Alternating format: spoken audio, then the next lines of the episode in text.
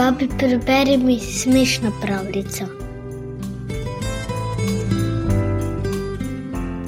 Si kdaj vrtate po nosu? Včasih je lahko to celo koristno. V slovaški pravljici o jasnovidcu, lovcu, strelcu in prstovnosniku bomo izvedeli kaj več o tem. Oče je imel štiri sinove in nič premoženja. Rekel si je: Nič jim ne morem dati, razen tega, da se česa izučijo. Kot dober rokodelec se vsak od njih lahko prebija skozi življenje, če tudi nima premoženja. Trije sinovi so si izbrali dobre obrti. Prvi se je izučil za jasnovidca, drugi za lovca, tretji za strelca. Četrti pa si je edini izbral nekoristno obrt. Postal je navaden prstovnosnik. Nič ni delal in ves čas je imel prst v nosu. Največ, kar je bil pripravljen storiti, zamenjati eno nosno luknjo z drugo. Vsi štirje sinovi so odšli po svetu, da bi se izučili. Kamorkoli so šli, povsod so si trije bratje pomagali. Ko so postali lačni, je jasnovidec takoj uganil, za katerim deblom se skriva zajec. Še preden bi zajec pobegnil, ga je lovec ulovil, strelec pa ustrelil. Vsi trije so imeli večerjo in tudi četrtega so nahranili. Revež, so si mislili, brez nas bi umrl od lakote. Tako so vsi štirje skupaj prišli do glavnega mesta. Tu so izvedeli, da se je kraljeva edina hči izgubila.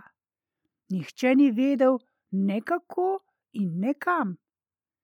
Takoj so se javili kralju, da jo najdejo in privedejo nazaj. In srečni kralj jim jo je obljubil za ženo.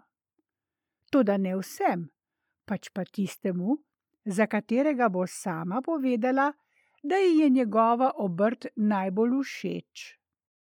Seveda je jasnovidec takoj pomislil, da bo hčerka njegova, saj je potreboval le trenutek, da se je zamislil in že je vedel, kje je kraljična.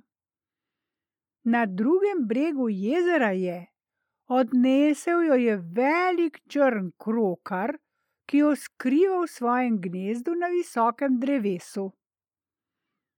To je našim bratom zadostovalo.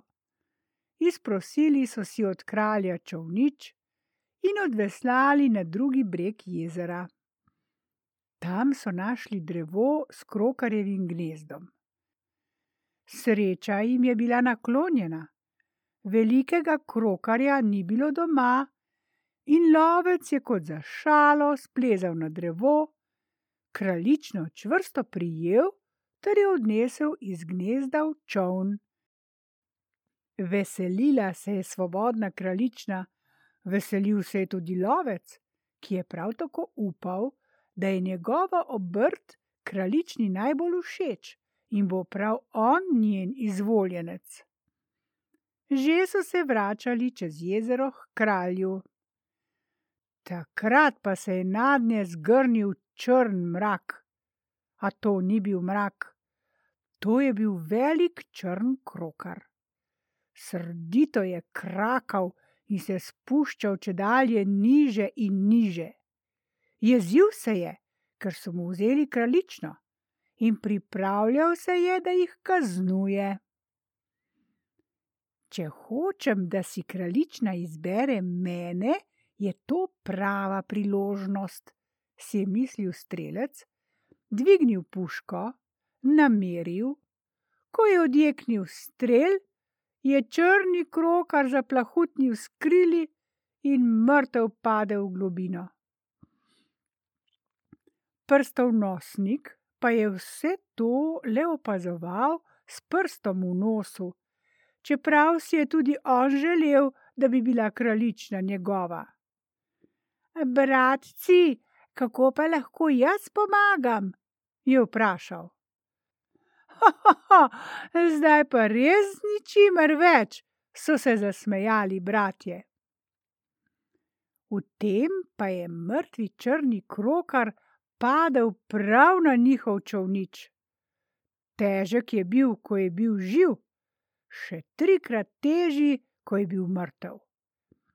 Pri padcu je s kljunom zadel dno čovniča in naredil v njem luknjo.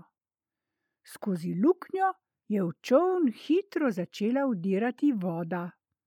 Bratje luknje niso opazili in niso vedeli, kaj se dogaja. Videli so le, da ne bo nič ne z rešitvijo kraljične, ne s svatbo, saj se bodo vsi utopili. Nihče ni znal plavati, pa tudi kraljične ni tega nihče naučil. Tudi prstov nosnik je videl, da slabo kaže, in želel si je še poslednjič prestaviti prst iz ene nosnice v drugo. In kaj se je zgodilo? Po nesreči je vtaknil prst v drugo luknjo. Bila je to prav ta luknja v dnu čovna, ki jo je naredil krokar s kljunom.